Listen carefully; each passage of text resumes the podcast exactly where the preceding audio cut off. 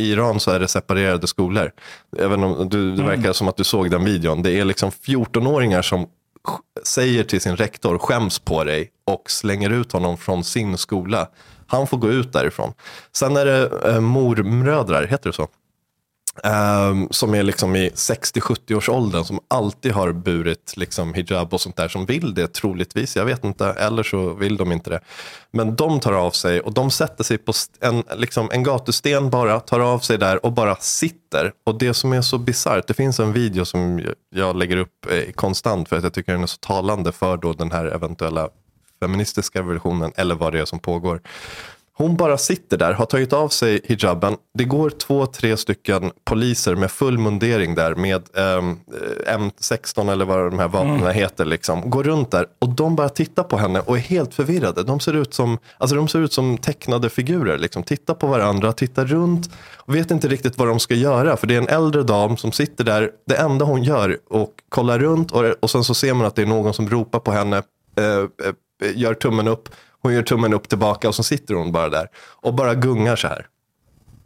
Och den videon visar på hur jäkla clowniga vi är som människor. Vi är så jäkla clowniga som bara har valt att göra eh, gränser för 80 miljoner och så har vi bestämt att vi ska ha det här klädesplagg. Alla ska ha det oavsett om de vill det eller inte. Och sen när någon tar av sig den, då vet de här människorna inte hur de ska göra. Och då undrar jag, hur, för det första, hur orkar man? Hur orkar man? För det andra, varför, hur har vi kommit dit? Alltså, vad, äh, vad, vad är det som händer? Och den visar på absurditeten på hur absurda vi människor är. Ehm, ja. Och ja, din fråga var ju för sig om det här är en feministisk revolution. Och den visar ju också på hur stor makt ehm, som kvinnor har och bör ha. Liksom.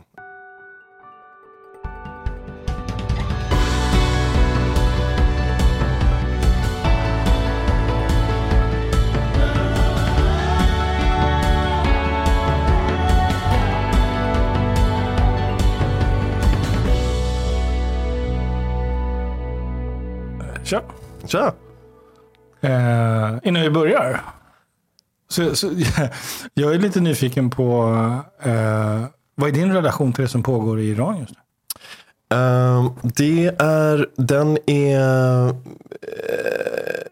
samtidigt som det finns eh, oro och eh, sorg och sådär så är det också konstigt nog en anledning till mycket utbildande. För jag tänker att jag håller på, jag försöker ta ikapp alla de grejerna jag inte har tänkt på att jag kanske borde eh, ha koll på sen tidigare. Alltså allt ifrån liksom detaljer i historien. Jag kan ju liksom ganska mycket men, men detaljer kring historien och, och hur, um, alltså, ja, hur saker och ting har lett till det ena till det andra och sådär. Så att det är en grej som, jag, som pågår samtidigt som jag känner en, en stor oro och sådär. Och det kanske är ett sätt att så här, försöka få grepp om allting som händer. Men eh, annars så, alltså som jag tror skulle tippa på alla eh, exiliranier så är det en extrem maktlöshetskänsla. Alltså dela saker och, och så på sociala medier är både viktigt, speciellt nu så här i början som det fortfarande faktiskt känns som att det är.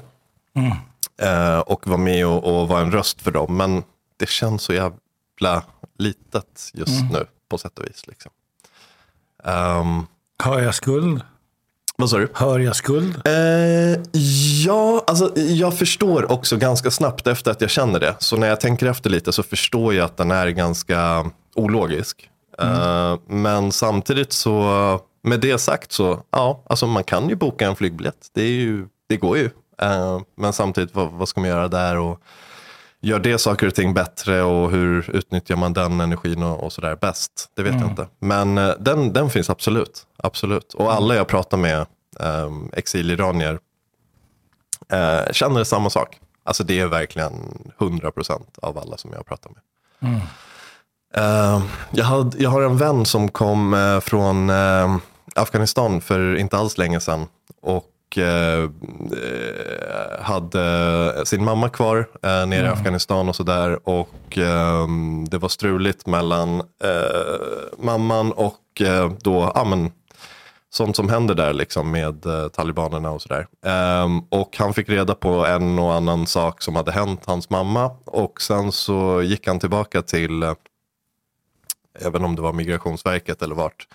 Så han var så arg, han bara, ge mig, ge mig en flygbiljett tillbaka. Liksom. Han, ville, han ville ta aktion liksom, själv, gå dit mm. och hjälpa till och, och mm. frige liksom, Afghanistan. Det, det, det, kanske, jag vet inte, det, det, var, det är sånt som um, vissa gör. Liksom. Och jag mm. vet inte om det är rätt eller fel, men alltså, samtidigt, vad, vad ska jag göra? Mm.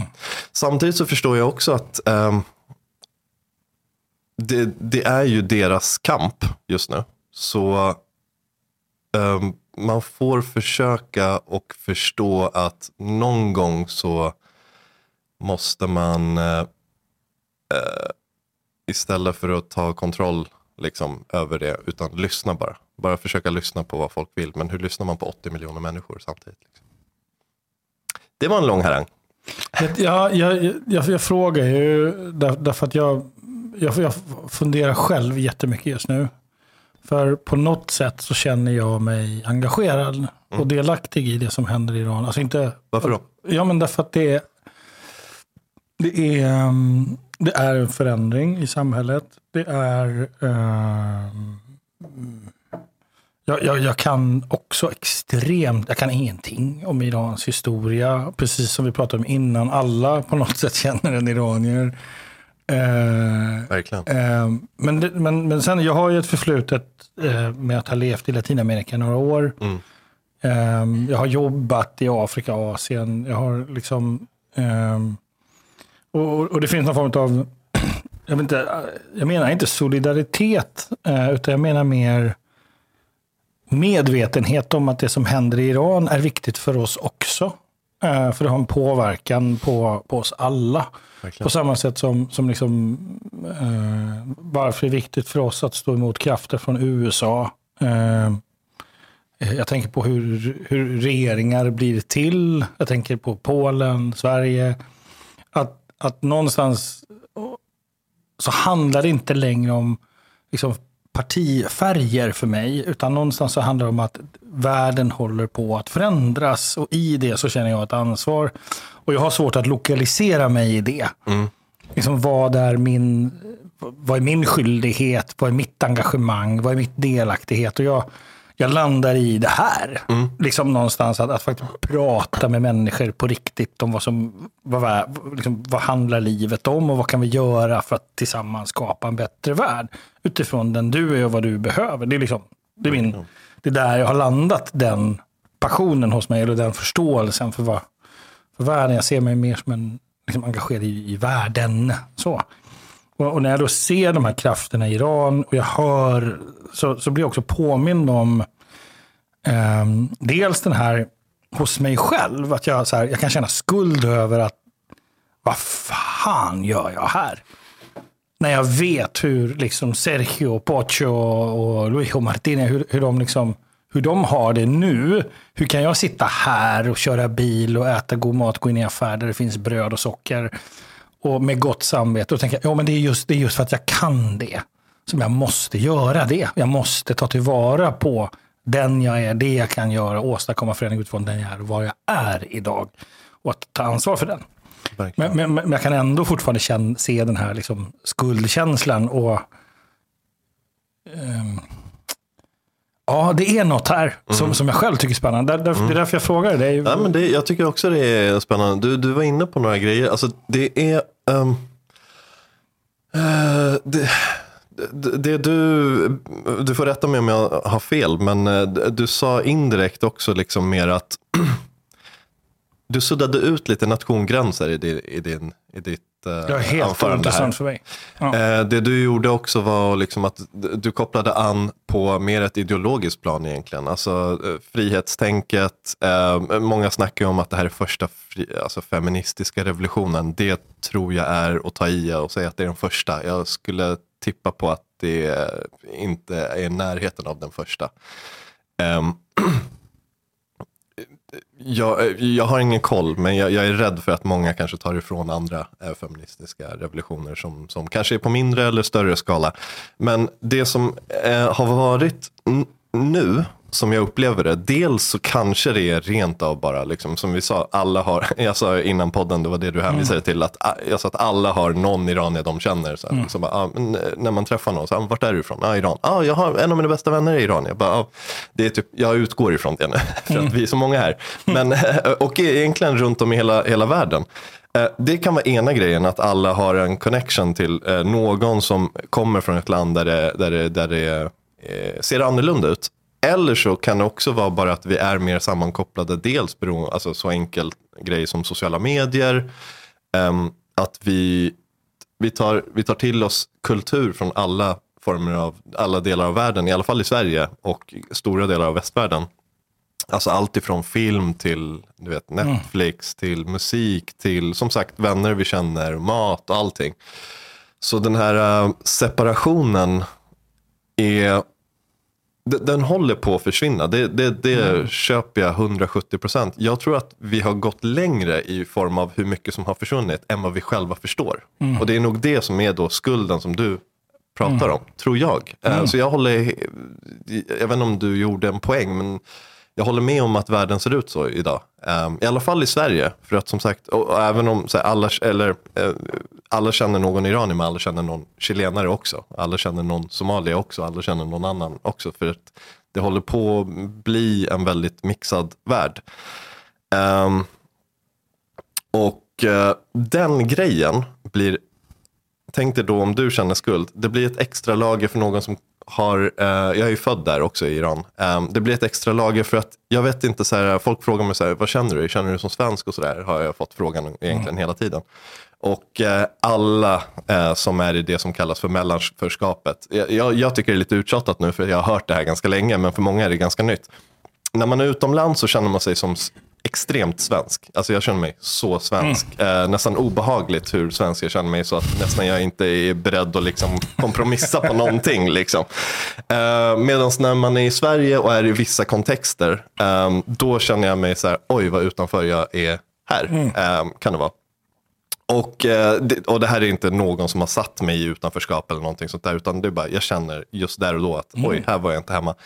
Ehm, men när jag då tittar runt på mina vänner, oavsett om de är etniskt svenskar eller om de är iranier eller chilenare och som är svenskar, då är nästan allihopa identifierar sig som mellanförskapet. Alltså vi är liksom, om, om man då säger så här, det finns ju viss, en viss kategori inom Sverige som säger så här, ah, men alla från det landet flockar och liksom sätter sig och bosätter sig på samma ställe och andra säger att alla svenskar bosätter sig på det här stället. Och sen så finns det mellanförskapet där jag är.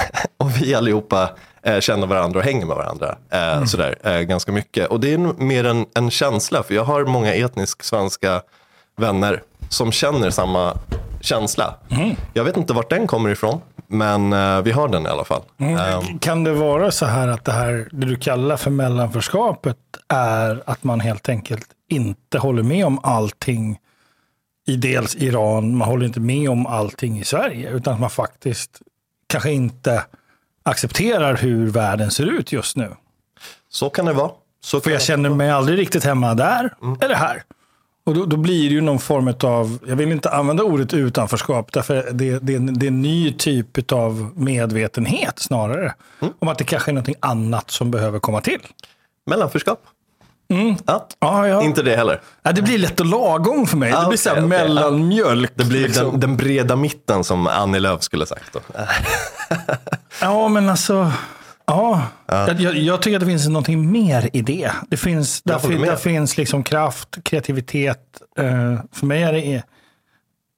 Om, om, om den här mitten är en spets av en pyramid, ja, men då håller jag med. Ja, det där är intressant.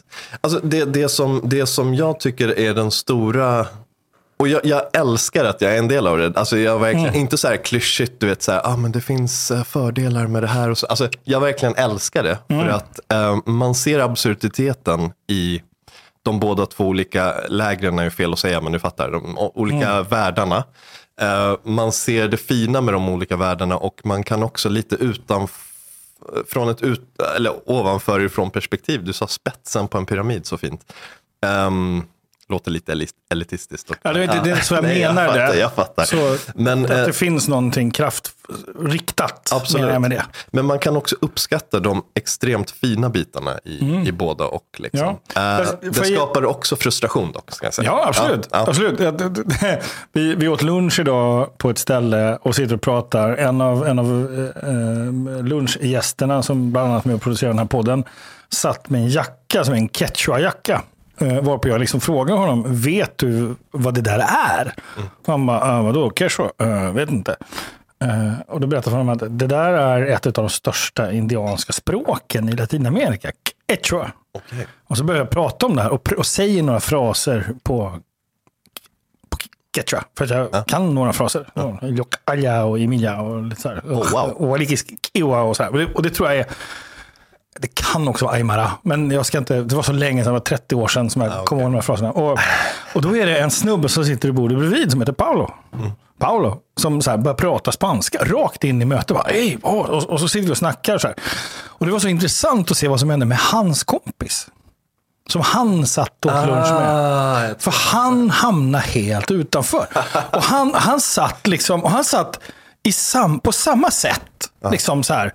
Och, och jag och den här Paolo, vi liksom pratar spanska och, och liksom om språk Och han berättar, han är från Italien, han har bott i Chile och hans relation till chilenska språket. Och chilener pratar fult och nej men vad menar du med det? Och, så, och hela jag blir ju, får ett helt annat kroppsspråk för jag får ju någonting som jag har med. Och, och, och liksom, och det där mellan Exakt. skapet som uppstår Ja. är en, en jättefin närvaro och kraft av igenkänning och likhet och samförstånd som jag, jag, älskar ju när den uppstår. 100 Och den är helt identitetslös, den är, den är nationslös. Det, det är helt ointressant. Det är helt sant. Och, och, alltså, jag förstår exakt vad du menar. Och det där, den där blicken som du såg på den där vännen som var med på, på lunchrestaurangen. Den ser man ganska ofta ehm, i till exempel, eh, jag var på ett bröllop i Bulgarien där ena parten var iransk-svensk och den andra var bulgarsvensk. Så b- bröllopet var i Bulgarien och då var båda släkterna liksom med där med alla vänner och sådär. Och då var det ju såklart många etniskt svenska också med där helt och hållet. Födda här och så. Ehm, och det som var så kul var Ehm, dels i sådana bröllop så kanske det ofta är väldigt mycket, alltså jag menar inte alkohol i en eh, o, Mm. obekväm mängd, utan eh, mycket alkohol inblandat. Liksom. I det här fallet så Det var var det fest. liksom, det var, ja, men i det här fallet så var det fest och dans långt innan alkoholen kom in. För eh, vi orkar inte vänta. så det började liksom tidigare. Eh, och sen så körde på och då märker man eh, efter, och det här var ganska länge sedan, och sen så em, kommer ett par av de eh, vännerna som vi har som liksom var lite äldre, kommer fram och bara, fasen vad kul att vara med här. Alltså de verkligen tyckte genuint, och jag såg det på dem, hur kul de tyckte vara med och, och hänga med i den här kult, alltså mellanförskapet som det blev ändå för dem. För de var verkligen mellanförskapet där. För det var svensk, etnisk svensk och sen bulgarsvensk och iransk svenska. Liksom. Och sen så var med i den liksom, energin som de uppskattade där och då och så. Och det som man ibland glömmer bort tror jag eh, i mellanförskapet är, jag tror kanske det är det som är lite av det som jag älskar också. Man får åka med på olika kulturella resor. Eh, lite mer kravlöst, om man ska säga. För är man, jag kan tänka mig om jag skulle vara född i Iran och vara där, då är jag en del av och, och bygger den kulturen eller man ska säga och är med på den resan och, och kanske ska ha extra bra koll här. Här kan jag, jag kan säga så här, "Ah, men vet du vad, jag, jag har ju jag är inte född där så jag hade inte koll på vad den där kulturella profilen hette som, som gjorde den där filmen eh, Utvandrarna. Nu, Ja, precis. Moberg va? Han? Ja, precis. lärt mig. Wilhelm Moberg. Ja, exakt, jag håller på att lära mig. Men man får väldigt mycket. Alltså. Och man kan också välja att plocka på sig de bitarna som man verkligen exakt. älskar mest. Exakt. Jag tänker, du sa att det var en feministisk revolution i Iran. Håller du med om det? Att det är det? Eh, det gör jag. Alltså revolution vet jag inte. Jag vet inte riktigt vad definition. Jag borde kolla upp det här. Vad är definitionen av en revolution? Är det att regimen ändras eller vad, vad är det för någonting egentligen? Och är vi där? Är det en process? Jag vet inte. Men, men det, feministiskt är det 110 procent. Det Varför är det? så coolt. Eh, dels att det började med, har du koll på hur allting började? Ja, den tjejen som blev mördad. Exakt. Hon 16 blev mördad. Ehm, 22 var hon. Okay, men nu, nu var det en 16-åring. Okay. Alltså det, mm. Tyvärr så dör det så många så att nu eh, kan man inte memorera alla namnen längre. Men Massa Amini, eller Amina Massini som, som Ann Linde sa i någon intervju. eh, hon eh, gick ju bort eh, för nu snart, jag tror det är fyra veckor sedan va? Och ehm, sen efter det så var det eh, på sociala medier, och det här täcks inte alls jättemycket fortfarande tycker jag i, i, ehm, i vanliga nyheter. Um, varför det är, det, det, kan man ju fundera över. Liksom. Men uh, det var, på sociala medier finns det hur mycket innehåll som helst och eftersom att så många svenskar är kopplade till iranier här i, här i Sverige så tror jag att de flesta har, har hunnit eh, se ganska mycket av det. Eh, så är det liksom kvinnor i frontlinjen. Eh, och frontlinjen menar jag, det kan vara allt ifrån att stå framför polisen och ta av sig sin hijab. Det är 16 det är, det är yngre än så. Det är 13-14-åringar som slänger ut, bokstavligt talat, sin rektor från, eh, i Iran så är det separerade skolor. Även om du, det verkar mm. som att du såg den videon. Det är liksom 14-åringar som säger till sin rektor, skäms på dig och slänger ut honom från sin skola. Han får gå ut därifrån. Sen är det eh, mormödrar, heter det så? Um, som är liksom i 60-70 års åldern som alltid har burit liksom hijab och sånt där som vill det troligtvis. Jag vet inte, eller så vill de inte det. Men de tar av sig och de sätter sig på en, liksom en gatusten bara, tar av sig där och bara sitter. Och det som är så bisarrt, det finns en video som jag lägger upp eh, konstant för att jag tycker den är så talande för då den här eventuella feministiska revolutionen eller vad det är som pågår. Hon bara sitter där, har tagit av sig hijaben. Det går två, tre stycken poliser med full mundering där med um, M16 eller vad de här vapnen mm. heter. Liksom. Går runt där och de bara tittar på henne och är helt förvirrade. De ser ut som, alltså de ser ut som tecknade figurer. Liksom. Tittar på varandra, tittar runt och vet inte riktigt vad de ska göra. För det är en äldre dam som sitter där. Det enda hon gör och kollar runt och, och sen så ser man att det är någon som ropar på henne. Eh, eh gör tummen upp. Hon gör tummen upp tillbaka och så sitter hon bara där och bara gungar så här. Och den videon visar på hur jäkla clowniga vi är som människor. Mm. Vi är så jäkla clowniga som bara har valt att göra eh, gränser för 80 miljoner och så har vi bestämt att vi ska ha det här klädesplagg. Alla ska ha det oavsett om de vill det eller inte. Och sen när någon tar av sig den, då vet de här människorna inte hur de ska göra. Och då undrar jag, hur, för det första, hur orkar man? Hur orkar man? För det andra, varför, hur har vi kommit dit? Alltså, vad, mm. vad, vad är det som händer? Och den visar på absurditeten på hur absurda vi människor är. Mm. Um, ja. Och ja, din fråga var ju för om det här är en feministisk revolution. Och den visar ju också på hur stor makt um, som kvinnor har och bör ha. Liksom. Um, för mm de visar på absurditeten gång på gång och det är därför jag inte tror att det här är den första gången det är no eh, kvinnor som har stått i frontlinjen för att förändra system. Sverige hade det ju på, på sitt sätt redan på, i början på 1900-talet eh, liksom, och har haft det eh, konstant hela tiden. Det finns kulturella revolutioner och sen så finns det regimrevolutioner och sen så finns det andra sätt. Men jag skulle tippa på att om man tittar på alla, och det vore väl bra om någon kanske har skrivit en sån bok och det borde det varit. Det, om man tittar på det mesta som har förändrats sedan 1800-talet så skulle jag tippa på att det är kvinnor som har stått i frontlinjen, bara att de kanske inte alltid har fått recognition för det. Det var precis det jag tänkte på. Mm. Nämligen. Och jag tror, att, jag tror att det är för, jag tror det är för första gången som en revolution får sin korrekta titel. Mm. Så kan det vara. Um, så kan det vara. Och, um, Men revolutionen i Nicaragua, det var ju kvinnorna som till slut sa nej till sina mördade barn. Liksom. Du ser. Mm. Och när var det ungefär? Ja, vi pratar, ja, herregud, jag är helt inne i något annat. 70-talet tror jag det var. 70, ja. 80. Ja.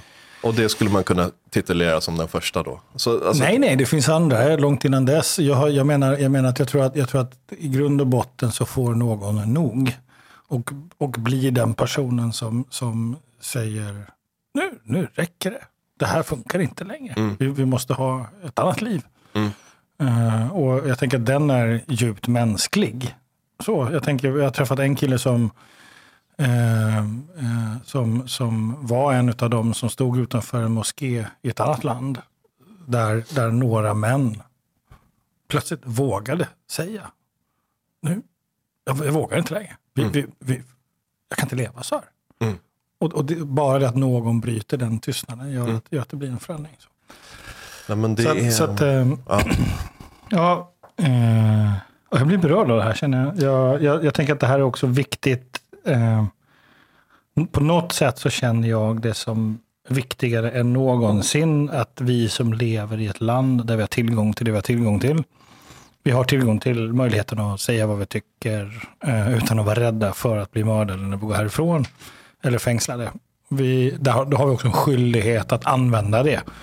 Eh, och eh, och att visa att det, fin det finns någonting annat. Liksom. Den, den skyldigheten tänker jag att vi har. Det var därför jag också ville fråga dig idag. Vad känner du kring det som händer i Iran? Verkligen. Jag tycker att den är viktig. Ja, Nej, men det finns, um, alltså i viss, och sen eh, det ska jag ju säga, men det är väl mer när jag känner att jag har möjlighet att känna så. så alltså, vissa kvällar kan jag vara riktigt arg, alltså bara när man tittar på de här eh, videorna och så. Det, tycker jag, det tror jag nog är bra att, att känna, för det ger energi, eh, så länge man använder det på ett positivt sätt såklart.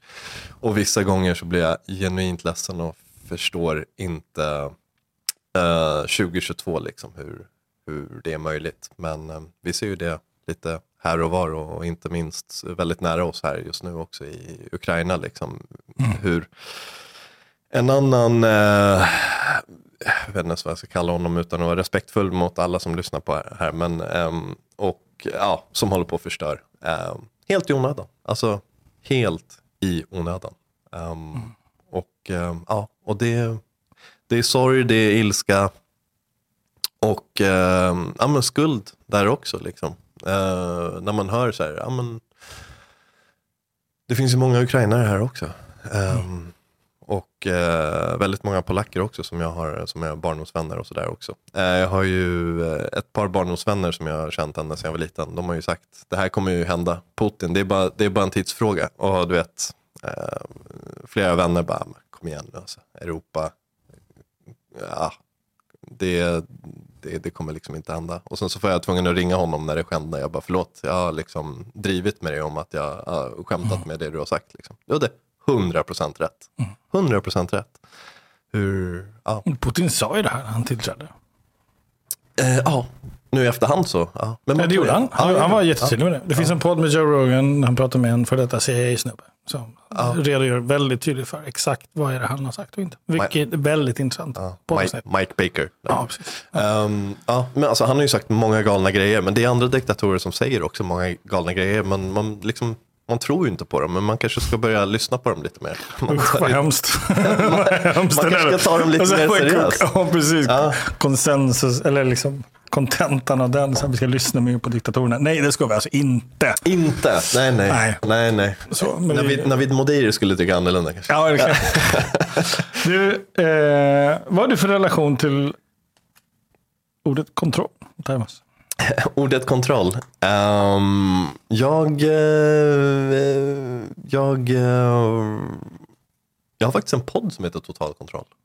En fotbollspodd som är nystartad. Så det är väl eh, min, eh, mitt, men det kanske är en bra ingång till det här. Eh, tillsammans med Hasse Backe, är du fotbollsintresserad?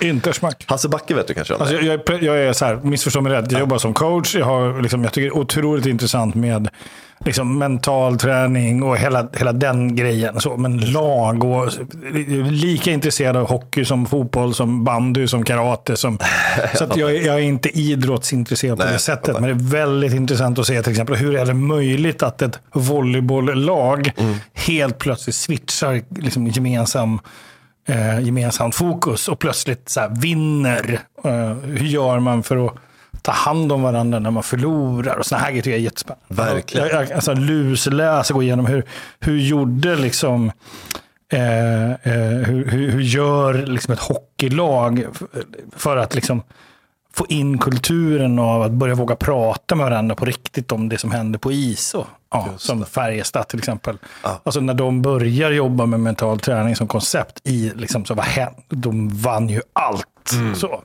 Den är spännande. Så, så att, nej, Dynamiken liksom. Ja, jag har i- träffat Hasse Backe tidigare. Jag tror inte han kommer ihåg mig, men jag har faktiskt föreläst för honom. Ah, okej. Cool. Skön snubbe. Ja, verkligen. Och han hade ju en grej, ehm, nu kommer jag inte ihåg exakt vilket år det var, men det var mot Polen. Eh, Sverige spelade mot Polen, ledde med 2-1 och Polen låg på konstant hela tiden. Ja, Det måste varit en hel halvlek. Där de hade ribba ut, ribba in, eller inte ribba in, stolpe ut, ribba ut, eh, du vet, snubblade på mållinjen, allt möjligt. Och så sitter han i kommentars, um, kommentarsmicken och säger till hela, hela svenska folket, är det är lugnt, det är total kontroll, är det är lugnt, de har ingenting, det här ser kontrollerat ut, det är inga konstigheter. Eh, och han hade sånt lugn, hela Sverige var ju rålacka på honom efteråt. Vi vann trots det, Eh, men det var, ju, det var ju inte den känslan någon hade i Sverige. Men han hade det av någon anledning, så vi valde att an, eh, använda det namnet till podden som vi har startat, som heter Total Kontroll. Och det, den kontrollen, det lugnet, det vill man ju ha i sitt liv. Eller hur? Mhm. Är, det, är det lugn och kontroll? Hur hänger det ihop? Men, Alltså, jag, om du undrar så har jag börjat nu. ja, jo, jag förstår det. Ah, jag förstår. Ja, vi var inte igång tidigare. Nej, inte alls. Nej, nej, okej. Men eh, nej, jag tänker väl att um, lugn och kontroll hänger väl ihop lite grann med att försöka, alltså man kan väl se det på två olika sätt tänker jag. Um, ena är kontroll, att jag behöver ha kontroll för att känna ett lugn. Eller så kan man ha ett lugn, Går det att ha lugn om du har kontroll? Ja, du menar att det är motsägelser, eventuellt? Jag är nyfiken på hur du ser. Uh, ja, men det här uh, Hasse-lugnet är ju en... Han är ju eh, lugn, uppfattar jag det, för att det finns... Han säger, ja jag vet inte. Alltså det- finns ju, om, om det är genuint, att så här, det är kontroll, jag ser att det är lugnt och oavsett om det inte blir så, då är jag lugn ändå. Ehm, men om man behöver ett lugn genom kontrollen, då antar jag att den aldrig kommer komma. Då, Exakt. ja. då är vi klara här. Nej, no, jag, jag, jag, tänker, jag tänker att kontroll, kontroll är ju ett inbillat påhittat begrepp. Man kan inte ha kontroll. Mm. Det, det är en utopi. Du kan inte ha kontroll. Du vet, du, du vet inte vad som ska hända imorgon. Eh, Nej, om en timme. Det, liksom, det går inte såvida inte du tror att du är tidsresenär. Och, och tror du det, ja, då har du sannolikt ett antal andra problem. Så. Mm. Men, men utan, utan det som finns är det, som- det som pågår här och nu. Det, det går inte att kontrollera. Så ändå, ändå håller vi på. Människan försöker hela tiden kontrollera. Jag menar, ta, ta, ta, om, om en rymdvarelse som man liksom landade i en korsning här i Stockholm skulle de ju garva åt att vi står och tror att vi är säkra på trottoaren medan det susar förbi flera ton liksom järn. Det, är- det är bara en, en fiktiv upplevelse av kontroll. Det är ju de facto ingen kontroll Just det. egentligen. Och, och samma sak gäller ju det här med, liksom med känslomässig kontroll. Man ska behärska sig, man ska vara lugn, man ska vara, vara kontrollerad. Som om det var någonting bra. Och den, jag tycker den är jätteintressant. Um, när, när, när, okej, det, är- det är klart det är bra att vara kontrollerad ifall man har tendens att vara våldsam. Men vad händer om vi börjar sluta säga det vi borde säga? Av någon utopi om att vi ska vara kontrollerade. Vi ska ha ett vuxet möte. Vi kan inte säga vad vi känner och tycker egentligen på det här mötet. Vi ska vara kontrollerade. Jag tänker den, den mm, Exakt, den där lite mer kulturella, liksom, svenska kontrollen över att också inte, det är väl kanske också ett litet sätt att visa respekt också över att till exempel inte lägga över sina känslor av så här, jag är ledsen idag. men kan det- man det? Nej men många gör väl det antar Men kan man lägga över känslan på någon annan? Det går ju bara att göra om den andra får för sig att ta emot det. Ja du menar så. Ja. Men då, ja exakt. Eller hur? Det som skulle behövas då är att eh, 9 miljoner blir coachade av, eh, av dig så att de vet vart... Jag jobbar på det. Ja, Nej då, men sa han ödmjuk. Du, vad var det du hette? det- Unik och enastående. Exakt. Timas. Ja. Och Alexanders en, en, ja. ja, du har några avsnitt kvar då. Ja, precis. Nej, men jag, jag tänker så här. Jag, jag, jag tänker, det- din relation till kontroll är jag nyfiken på. Och så dyker det då upp um, ja, men Hasse Backe. Eh, vad, vad, tycker dig, vad jag hör dig säga, det är tillit är bra. Ja, lite så. Jag älskar att Hasse Backe kom in i mitt samtal här. Uh, han bara, fantastiskt. "Va? Ah, Vad händer? varför, pratar, varför pratar Jag om kommer få ett jobbigt samtal från Hasse Backe. Nej, det, det, här, det, här är bra, det här är bra. Men, eh, nej men, eh, ja, faktiskt. Vet du vad? Eh, för vi pratade lite snabbt här innan också. Eh, så att jag funderar på om jag har kontrollbehov. Men sen så kom jag på att jag typ ganska ofta tror jag tvärtom kanske har tvärtom, tvärt emot kontrollbehov. Alltså Och- egentligen vill att någon annan bara tar beslut och låt mig hänga med bara. Okej. Jag, jag litar på dig 110%, kör. Eh, och då när inte det eh, funkar eller inte blir bra eller någon annan inte tar kontrollen i, ett, i en kontext. eh, så då tror jag, där finns När det du risk att säger, jag går när, över. ja, förlåt, jag avbröt dig, men när du säger när någon annan tar kontrollen, menar du med det leder? Jag försöker prata om mitt sexliv här. Nej, jag skojar Okej, we got Förlåt, vad sa du? Ja, så att, att någon annan tar kontrollen, menar du då när någon annan leder? Exakt, exakt. Okej. Det är det jag menar. Ja, så vad har det med kontroll att göra? Vad har ledarskap med kontroll att göra? Ehm, Intressant säger jag till han som har frågat. Så hur, hur upplever du Iran-situationen just nu? ganska intressant. Ja. Nej, men eh, låt mig se om jag, jag besvarar din fråga eller om jag kan fylla i det som var otydligt. Alltså, eh, det, det jag tror att jag kommer fram till att eh, jag har kontextbaserad eh, kont kontrollbehov ibland. Okej. Eh, sen kan vi komma in, du får gärna berätta om vad det är för någonting och varför det är så. Men vissa kontexter, då känner jag att jag behöver ha kontroll över det här för att det här Som till exempel? Ehm, ja, men det kan vara, eh, ofta tror jag att det är... Ditt sexliv? Nej. Exakt, exakt. Tillbaka till det. Nej, vad menar du? you brought it up. Ja, men det, Alltså, det, ja. jag får skylla mig själv. Ja. Eh, det, ja, men, jag tror antingen i sexlivet eller så är det nog oftast i uh, yrkeslivet faktiskt. Okej. Ehm, tror jag. Och eh, det är nog, jag vet inte hur mycket, det här kanske du vet, hur mycket är baserat på när man tycker att saker och ting inte har funkat tidigare. Så att man vill ta kontroll själv. Du menar, hur, hur, I vilken omfattning påverkar dina erfarenheter din Exakt. relation till kontrollbehovet? Ja, exakt. Ja, typ det är samma sak, tänker jag. Det är det det handlar om. Det är det det handlar om. Ja. Ja. Din- Dina erfarenheterna får, får större utrymme än rimligt utifrån den situation du befinner dig i. Just det. Just det. Det liknar någonting som du har varit med om förr och då, Precis. då går man igång. Exakt så. Ehm, för det, det var nog, det hände nog ganska nyligen med en eh, kollega kan man säga. Som när, när den personen hade full kontroll på, på vad den gjorde och sådär. Så sa jag så här, "Ah, jag vill bara påminna om den här och den här grejen. Då sa den, ah, men jag har jobbat med det här i du vet, 20 år så det är lugnt, jag har koll på det här. Jag bara, Bra, okej, då släpper jag det. För att jag har, just i den situationen hade jag erfarenhet av att saker och ting inte hade funkat 10 000 gånger. Så med andra ord så är kontroll viktigt för dig. Ehm, ja, eller för, för frågan är om det är resultat som är viktigt då. Det borde det väl vara?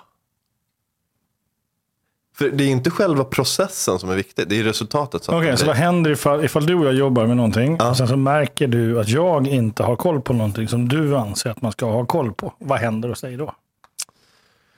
Ehm, då, jag tänkte dra ett dåligt skämt här, men eh, då, då händer det att jag, eh, då händer att jag, eh, då händer att jag vill höra liksom om, om vilka processer Varför du har då? tagit. Ja, exakt. Varför då? Varför då? Varför? Ja, För att jag vill inte vara vid slutmålet där och känna ännu en gång att men om, men om det är någon annan som gör fel, vad har det med det att göra? Ja, men det är nog, det kanske kommer från fotbollen då. Jag tänker att vi är ett lag och jag kan ju hjälpa till. Alltså, många gånger, jag är väldigt snäll ska alla veta som, som hör det här också. Det är aldrig att jag, jag skäller ut någon. Men jag tänker att om, Det är intressant att du var tvungen att säga Ja, men det är viktigt. Men, för, nej, men jag tror att många som har kontrollbehov, ofta är det de, ibland så kan det bli så att de blir uh, douchebags. Liksom. Eh, tvärtom så tror jag att jag eh, straffar mig själv ganska Okej, mycket. så- så- så- jag går hem och sen så skär jag. okej. Liksom, ja, dåliga skämt. Ja, Ja, men jag tror det ligger någonting i det du sa. ja, För kan det vara så att du tar på dig själv vad någon annan inte gör? det kan hända. Ja. Mm. Det, det, var, det, det var den jag hörde. Det, den är ju, det är också douchebagigt fast Det är det mot dig istället för mot andra. Så är det det. är fortfarande samma sak. Så är det. Men om det händer typ tre gånger så kan ju jag säga Ja, så här. du, du är inte "Lös galen, du är underbar, skull." du är Ja. en störtskön snubbe. Så att, så att jag är inte ute efter att liksom leta efter problem. Men jag blir nyfiken på, vad, när börjar det här hos dig? Eh, Att liksom ha koll på processen, mån om resultat. Det är ju, en- det är ju en fin egenskap. Så. Jag, tänker, jag tänker, fast den är onödig om, om du gör liksom någonstans andras ageranden till någonting som har med dig att göra.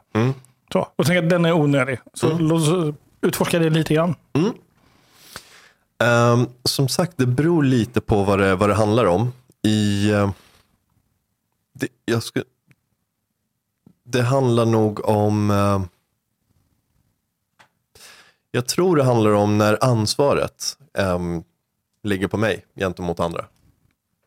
Där tror jag att det handlar om. För det handlar inte bara om yrkesgrejer. Det kan Nej. vara privatgrejer också. Är Ja. det något ansvar som ligger på mig, då vill jag gärna väldigt mycket att det, det ska funka. Känner jag inte det stora ansvaret, då, alltså, som sagt, då kan det nästan bli exakt tvärtom. Så. Det, ja, Mm, Observera nu. Känner jag ansvar? Känner jag inte ansvar? Ja. Hur gammal är du när du flyttar till Sverige från Iran?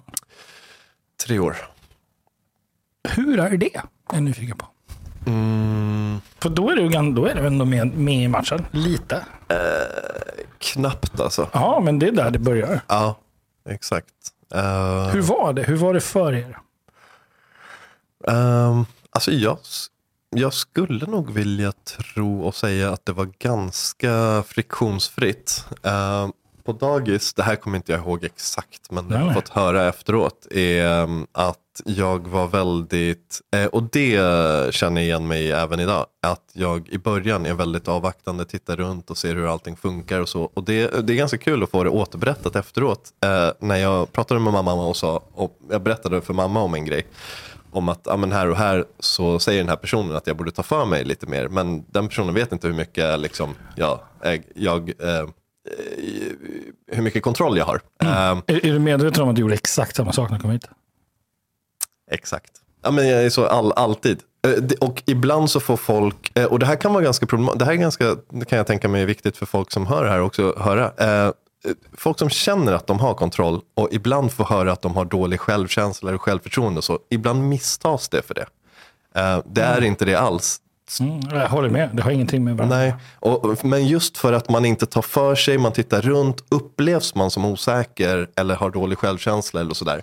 Men det jag vill veta är bara för det första, så här, eh, v- vad är det för normer som gäller här? Kan jag vara respektfull? Vad, vad, vad, vad förväntas av mig? Vad är det för ansvar som ligger på mig? Vad är det för ansvar som ligger på någon annan? Ha kontroll över den. Och det fick jag återberättat av min mamma, att mina dagisfröknar när jag var fyra fem sa att vi märker att han, han, han väljer att stå lite utanför och titta runt och sådär. Men sen när han har koll på saker och ting, då ger han sig in i grejen. Så det där är ju ganska intressant rent så här, du vet, genetik eh, kontra miljögrej. Eh, Låt oss inte dra in genetiken i här. Låt oss, för, för den, jag, Du jag styr här. Nej då, inte, ja. men, jag- så här då. Med Min relation till det, det är, jag har faktiskt träffat en av världens mest framstående DNA-forskare just för att prata om det här. Okej. Hur stor del av oss är vi? Och vad, så, vad på svaret var, nej men du kan räkna med att du är ungefär 25% mamma, 25% pappa. Andra hal- resten är social anpassning. Då är det miljö. Mm. Ja, så, så, och, och då tänker jag så här, ja, ibland är det jätteskönt att tänka att jag bara är 25% från morsan eller farsan. så, skönt. Och ibland är det så här, fan att jag inte hade mer av morsan eller farsan. Så, att, så att den är... Ja. Men du sa någonting här som jag, jag skulle bara vilja återkoppla den, som jag tycker är spännande. Först är det normer. Sen är det respekt. Och sen kommer ansvar. Ja, ehm, jag är osäker på om det där var bara de första orden som kom to mind. Men det kanske, jag vet inte, det kanske skvallrar om någonting. Ja, jag tycker de är intressanta. Ja. Jag, jag, vi behöver Nej, inte nej. liksom, hitta, hitta på någonting. Jag bara tänker det var det du sa. Mm. Och, jag, ja, om du som nu lyssnar, om jag har hört fel får jag gärna återkoppla. Ja, men det var Fy. Holmberg. Men, men jag tyckte mig höra först normer eh, och det leder till någon form av, okej, så hur respekterar vi varandra? Mm. Vad är det som pågår? Och sen liksom, kan man kliva in och ta ett ansvar. Och tänker den där, är kanske ett framgångsrecept, tänker jag. Ja, kanske. Alltså, det, ja.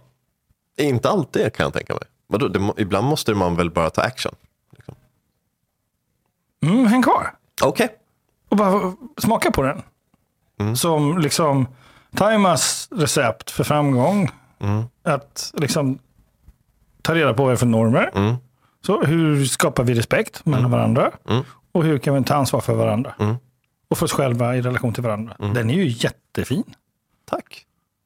Det värmer. När du säger det sådär så tycker jag också det låter jättefint. Ja. Det får man inte säga i Sverige.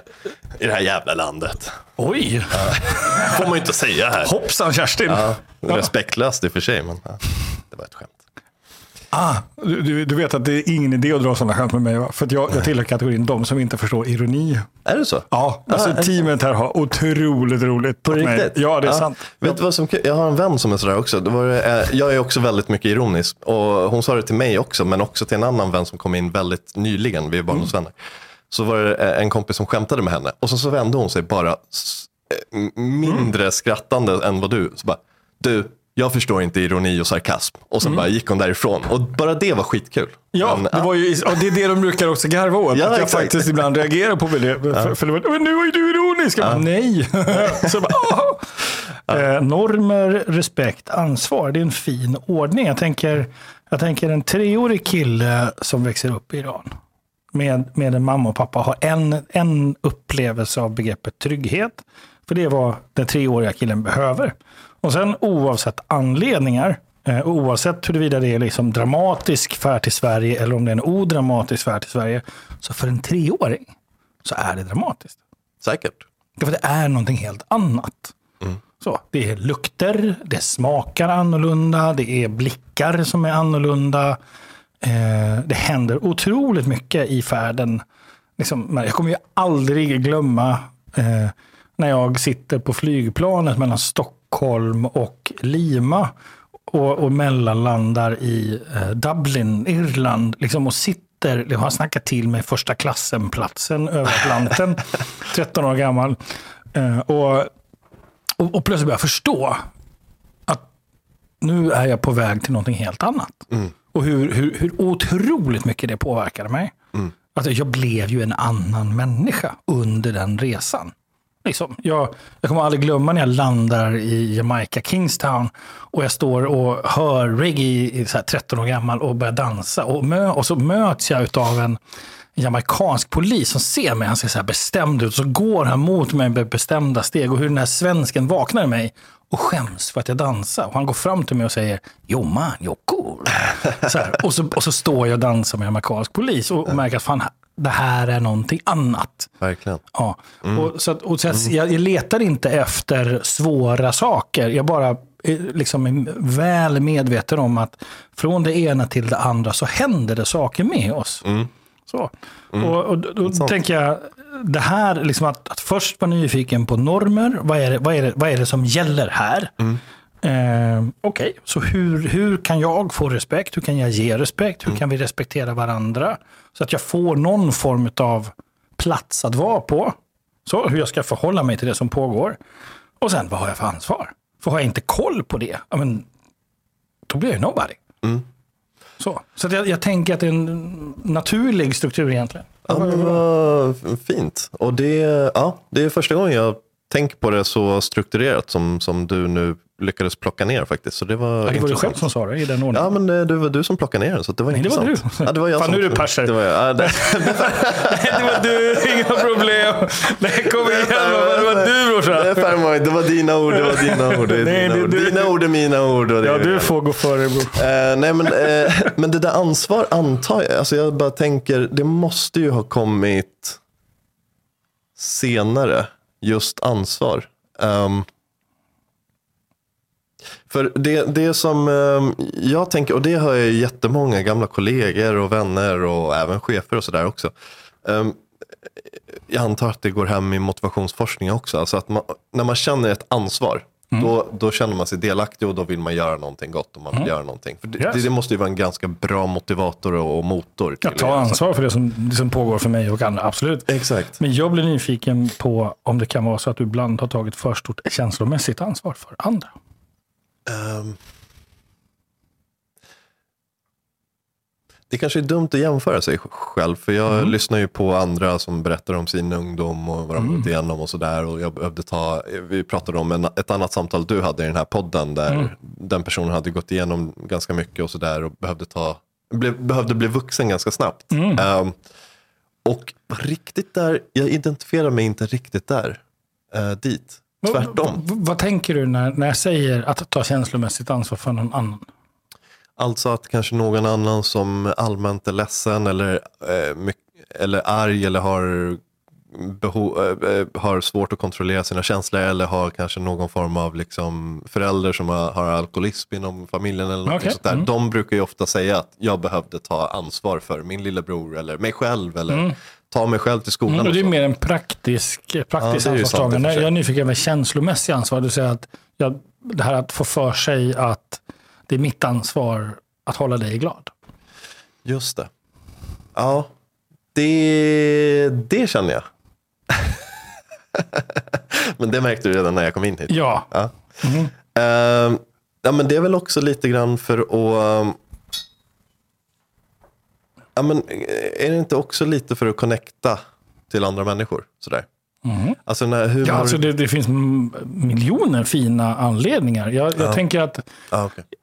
Alltså, eh, men det finns ju en skillnad. Liksom. Någonstans så, blir, så, så, så får min idé om, alltså för det första så kan vi inte ta ansvar för vad någon annan känner, det är omöjligt. Mm. Så det är bara, det är bara inbildning. Just det. Ja, alltså jag kan ju inte göra dig ledsen. Om inte du väljer att bli Du är ledsen. tillbaka där ja. Just det. Eller hur? Ja, alltså, alltså jag kan inte Ja, ha kontroll över någon annans känslor. Jag kan ha en påverkan och en, det kan bli en effekt av att jag gör eller inte gör någonting. just det. Absolut, men huruvida du reagerar på något, det är ditt ansvar. Just det. Om jag tror att jag är ansvarig för det, Mm. då händer ju någonting i relationen. Jag hänger med.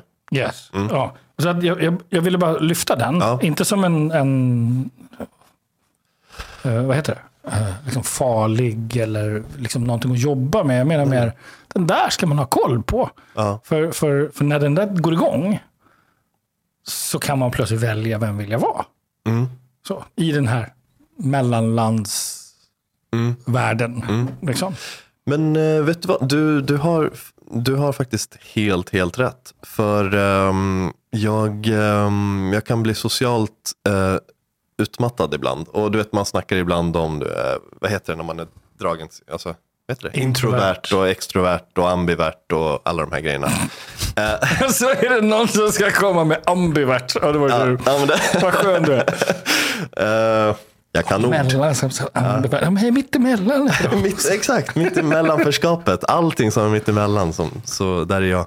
Eh, men ehm, men eh, jag tror att eh, det, ibland så kan jag känna att jag kanske inte vill eh, vara med på någonting där jag känner att eh, jag behöver ta ganska mycket eh, socialt ansvar. Liksom. Och då kan jag istället strunta i det eh, och fylla på. Medan andra gånger så, så känner jag att det känns hur okej som helst. Och kul eh, oftast. Men när inte energin finns där. Det är. Och, och då, kan, då har jag fått höra från andra så här, men vet du vad, du behöver liksom inte Ta ansvar. ja, ta ansvar eller vara sådär social. Sätt dig bara, ta det lugnt och chilla och sådär. Men när jag väl är där, det går inte. Det är, typ, det är skitsvårt. Där har vi någonting att jobba på. Och försöka vara bittersur och, och svära åt alla och bara sitta i hörnet. Ja, det vill säga vara den du behöver få vara. Just där och då. Just där och då, när du behöver få vara det. Jag tänker den, den, så att, att vara medveten om den. Då, då tänker jag så här, här kommer verktyget då. Eh, vilka normer gäller? Mm. Respekterar du dig själv nu? Just det. Så vad är du beredd att ta ansvar för? Just det. Mitt egna välmående. Den jäveln. Ja. Du, jag tänker stanna där Thomas. Yes. Yes. Du, vad, har, vad liksom tar du med dig av det här samtalet?